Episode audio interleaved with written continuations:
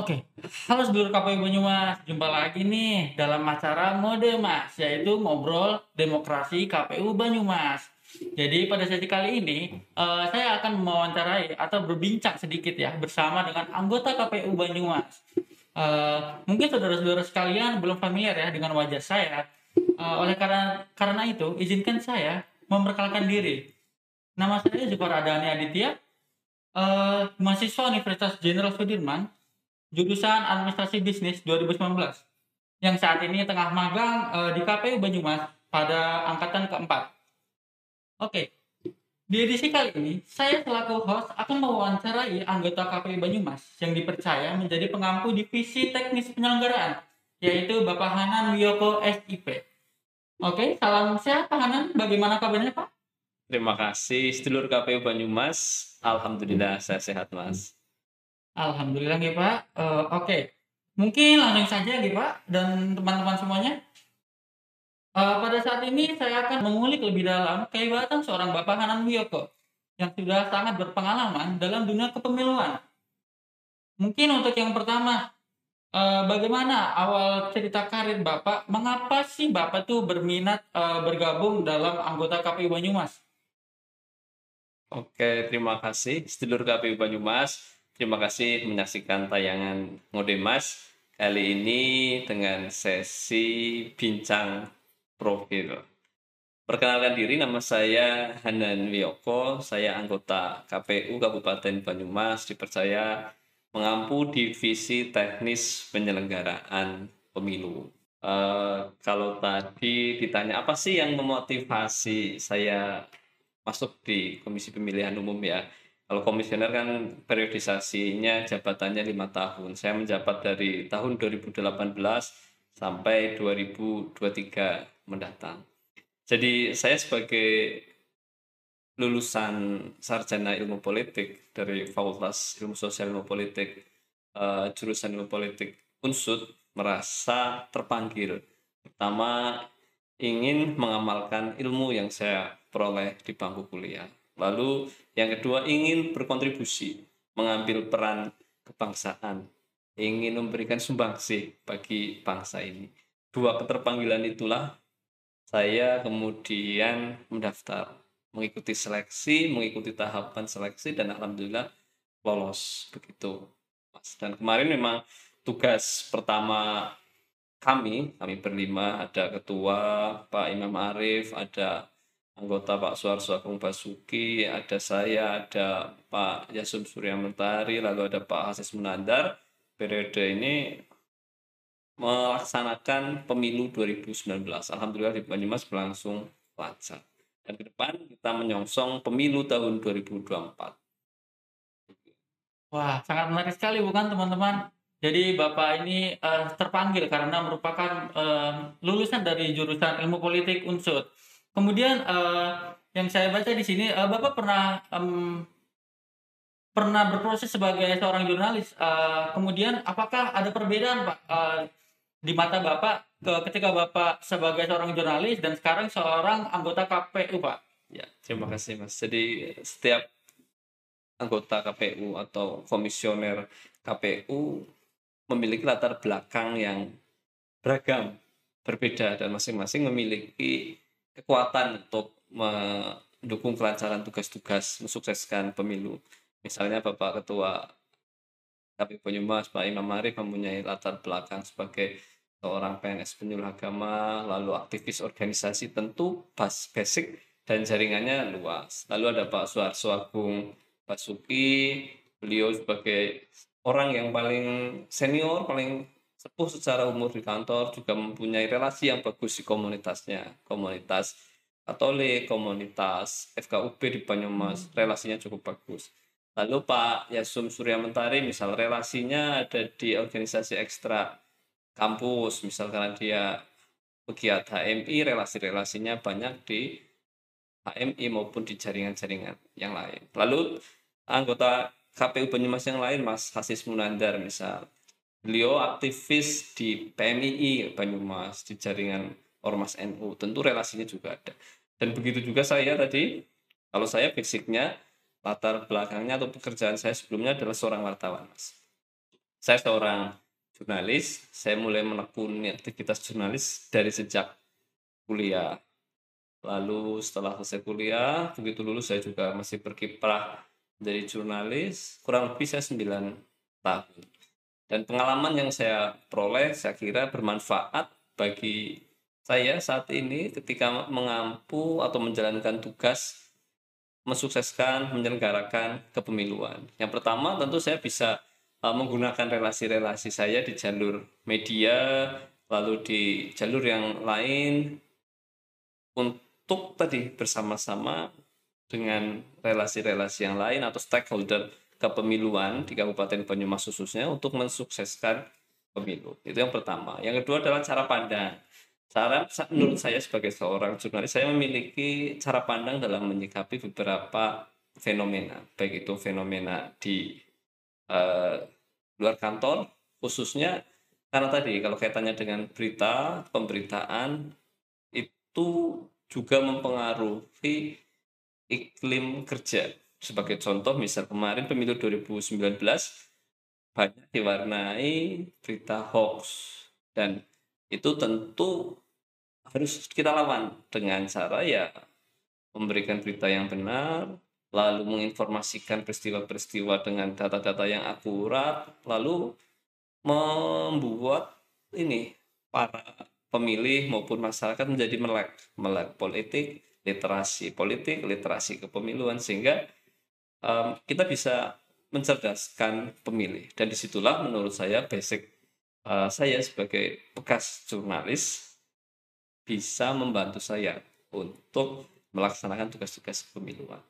Kira-kira seperti itu. Oke, baik Pak. Tadi sangat menarik ya. Saya uh, mengambil beberapa poin, yaitu yang pertama ada uh, dari anggota KPU yang berlatar belakang di kampusnya, yaitu mengikuti ekstra kampus ya Pak? Ya ada. Apakah uh, ada perbedaan Pak dari mahasiswa yang mengikuti ekstra kampus, kemudian dengan mahasiswa yang berlatar belakang mahasiswa biasa saja, seperti itu Pak? Mm -hmm. Dengan uh, ya buat ke depannya itu seperti apa Pak? Oke, okay, ya. terima kasih. Jadi barangkali ini sedulur KPU Banyumas yang uh, masih kuliah ya, seperti uh, teman-teman magang di sini, sahabat ini jadi bermanfaat. Bahwa saya ingin menegaskan aktivitas berorganisasi memiliki manfaat yang penting. Pertama membentuk karakter, lalu yang kedua tadi ada relasi atau jaringan yang terbentuk sedari dini, sedari kuliah. Dari kuliah sudah bisa membangun relasi, sudah kenal, Lalu yang ketiga adalah membangun nalar kritis. Saya kira nalar kritis mahasiswa yang aktif berkecimpung di organisasi sedikit berbeda dengan mereka yang aktivitasnya kebanyakan di kampus atau kemudian pulang ke rumah atau ke kos-kosan. Jadi ada nilai positif, ada nilai lebih bagi mahasiswa yang aktif berorganisasi. Jadi saya kira bagi teman-teman mahasiswa yang menyimak acara ini salah satu pilihan yang bisa dilakukan adalah dengan berorganisasi. Karena tadi contoh saya sebutkan Mas Surya misalnya karena dia dulu aktivis, kemudian relasinya bagus itu juga bisa membantu mendukung kesuksesan penyelenggaraan pemilu. Gitu. Oke, baik Bapak. Terima kasih, Pak. Kemudian uh, selama menjabat sebagai anggota KPU, Pak, mungkin tahun 2019 ataupun tahun 2014 yang telah berlangsung, uh, yang mengakibatkan uh, mungkin dari bapak sendiri adanya lembur kemudian jarang pulang terus juga intensitas yang padat di kantor apakah ada apa ya keluhan dari keluarga ataupun mungkin ada tanggapan dari keluarga bapak sendiri pak Oke terima kasih yang jelas sih masih bisa pulang lah ya nggak kayak bang Toyib yang pulangnya tiga lebaran sekali jadi begini sedulur KPU Banyumas maupun teman-teman mahasiswa magang yang menyaksikan acara ini kesibukan KPU memang terasa padat itu saat tahapannya. Meskipun tidak saat tahapan juga kegiatan kesibukan tetap ada. Tapi memang karena tanggung jawab harus menggelar pemilu sukses, lancar, aman, demokratis dengan asas-asas yang lain, luber jurdil. Jadi beban itu eh, intensitas pekerjaan jadi meningkat. Lalu bagaimana kaitannya dengan keluarga yang pertama? Memang keluarga baik komisioner maupun para PNS harus diingatkan ya bahwa uh, karena panggilan tugas mensukseskan pemilu ini HAM yang harus diutamakan lalu yang kedua adalah kerja penuh waktu jadi ya keluarga harus memahami konsekuensi Kalau apakah ada keluhan? Ya, saya kira karena saya baru kali pertama di penyelenggaraan tahapan pemilu ya di komisioner KPU meskipun sebelumnya pernah di ad hoc tapi kan ritme kesibukannya berbeda. Jadi betul misal ceritakan misal pulang, terus ya sering keluar kota, terus sering berpindah-pindah lokasi acara ya sebelum pandemi COVID ini memang membutuhkan stamina yang sehat, yang prima, tahanan fisik, lalu juga doa dan dukungan dari keluarga, baik di sisi komisioner maupun di sekretariat. Jadi harus disadarkan pada keluarga bahwa kita akan bekerja full, bekerja lembur, jadi mohon doa dan dukungan. Kalau tadi ditanya apa ada keluar, saya kira sih ya wajar lah kalau misal, satu terutama ke anak ya, karena saya punya anak kecil dan pas pemilu 2019 kemarin kan pas anak saya ulang tahun. Iya. Jadi biasanya kalau mau ulang tahun memang saya ada bersama acara-acara ulang tahun gitu. Nah pas kemarin memang tidak bisa nunggu nih karena pemilu 17 April dari pas dengan hari kelahiran anak saya. Jadi ya mau nggak mau ditinggal. Nah pada satu sisi kan ada kenapa sih ayah pergi lain sebagainya. Nah itu menurut saya hal yang biasa dan bisa dijelaskan. Gitu. Oke, baik Pak. Jadi uh, setelah-setelah maksudnya banyak pekerjaan yang ada di tahapan pemilu, mungkin kita lebih harus uh, menjaga stamina juga untuk uh, menjaga kebugaran tubuh seperti itu ya Pak. Yeah. Kemudian uh, untuk sesi selanjutnya itu uh, saya ingin bertanya Pak, uh, mungkin uh, yang paling berkesan selama Bapak menjadi anggota KPU itu apa sih Pak?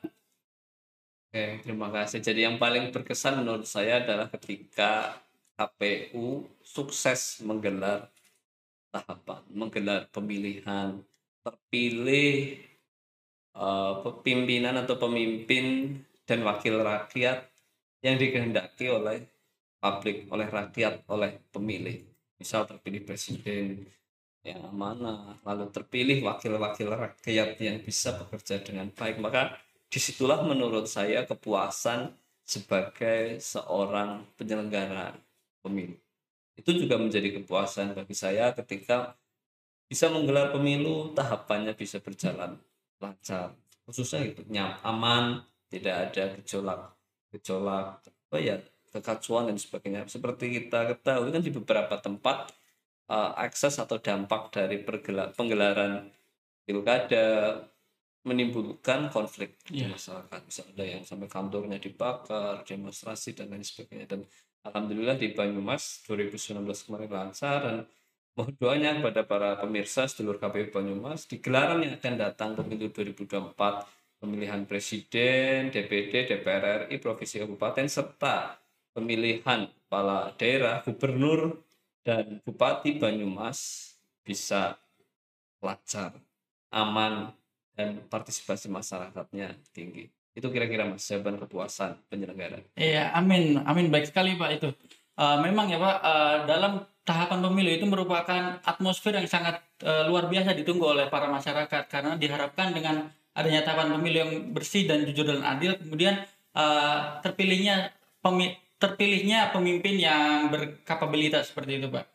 Uh, untuk sesi selanjutnya pak, uh, ketika bapak menjalani padatnya pekerjaan di KPU Banyumas, untuk mengisi sela-sela kosong waktu pekerjaan, apa sih yang biasa Bapak lakukan? Oke, terima kasih. Ya, pasca tahapan seperti yang saat ini, kita kan sedang tidak tahapannya, apalagi kemarin setelah pemilu 2019, kita tidak ada pem, tidak ada pilkada 2020 sehingga waktu jeda atau pasca pemilihan ini cukup panjang. Apa sih yang dilakukan? Saya kira ini juga pertanyaan yang menarik ya yang barangkali apa sih yang dilakukan oleh KPU khususnya dalam hal komisioner? Kalau saya pribadi sih karena hobi saya membaca dan menulis saya menghabiskan waktu di antaranya membaca buku-buku tentang kepemiluan. Itu yang pertama. Misalnya saya membaca kembali buku kuliah zaman kuliah saya dasar-dasar politik karya Profesor Miriam Budiar Miriam Budiarjo dari UI almarhum almarhumah. Saya baca lagi. Terus buku-buku terbitan KPU RI tentang pemilu pemilu antar apa antar tahun penyelenggaraan saya baca lagi. Terus saya juga menulis buat mengingat-ingat apa yang sudah saya baca saya kembali buat tulisan di Kompas Lalu kesibukan lain Misalnya adalah mengikuti Zoom meeting dalam hal untuk meningkatkan pengetahuan, terus menjaga relasi beberapa acara Zoom ya, Zoom webinar yang diadakan dengan tema-tema kepemiluan saya ikuti. Selain itu juga aktivitas lain ya seperti ini tetap membangun relasi terus karena situasinya PPKM pandemi ya aktivitas kantor juga WFA kita lakukan ya saya mengikuti kegiatan-kegiatan kantor seperti Zoom rapat online tidak ketinggalan juga karena saya juga juga sisi manusia biasa sisa-sisa waktu lain saya gunakan misalnya untuk main game online di rumah Oke, kalau boleh tahu game apa itu, Pak? off tank Wah, kebetulan saya juga main itu, Pak. Seru ya. Oke. ya itu untuk ngisi waktu oke. setelah aja sama nonton YouTube YouTube tadi bisa perlu dem maupun YouTube YouTube hiburan Oke. Oke, mungkin yang terakhir, Pak. Eh, harapan untuk KPU Banyumas untuk ke depannya itu apa ya, Pak? Kasih. Jadi KPU sebagai lembaga penyelenggara pemilu yang mandiri dan independen serta profesional depan bagi komisioner maupun jajaran sekretariat ya visi dan misi KPU RI harus terus didukung dan disukseskan. Tapi yang kedua dari sisi SDM terus harus dioptimalkan bagi jajaran komisioner maupun sekretariat. Dan saya lihat sih sekretariat KPU Banyumas relatif dengan SDM yang bagus yang mumpuni ya. Sehingga acara seperti ini juga bisa digelar. Terus acara pasca pokoknya kreatif lah. Pasca tahapan ini juga bisa mengadakan beberapa kegiatan. Kegiatan sehingga ke depan perlu selalu dijaga adalah kekompakan kesulitan dalam satu atap. Karena tadi ada unsur pimpinan komisioner dan unsur sekretariat. Ini harus kompak modal kompak inilah yang akan menjadi kunci keberhasilan penyelenggara pemilu di tingkat di satuan kerja KPU Banyumas ini bisa optimal. Selain itu juga membina hubungan baik sesama penyelenggara pemilu di tingkat kabupaten dalam hal ini Bawaslu kabupaten membangun komunikasi, koordinasi sehingga bisa satu visi, satu pemahaman untuk mensukseskan pemilu maupun pemilihan. Begitu juga dengan stakeholder lintas instansi, terus lintas elemen masyarakat, KPU Banyumas ke depan harus selalu bisa membangun relasi itu. Termasuk tidak kalah penting adalah selalu menghidupkan ini roh partisipasi pemilih masyarakat sehingga harapannya ke depan kesuksesan pemilu itu tidak hanya di sisi penyelenggaranya, tidak hanya di sisi pesertanya saja. Contohnya partai politik maupun calon uh, bupati, wakil bupati, tapi juga di unsur masyarakat. Pemilih yang cerdas, pemilih yang mau menggunakan hak pilihnya, pemilih yang sadar akan siapa yang dipilih, itu juga harus terus didorong oleh KPU. Dan ya seperti kegiatan kita hari ini Mas tadi, ini adalah sebagian dari upaya untuk melakukan edukasi pemilih, edukasi politik kepada pemilih harapannya mereka menjadi tersadarkan bahwa pemilih menggunakan hak pilih itu adalah hak yang penting untuk disalurkan.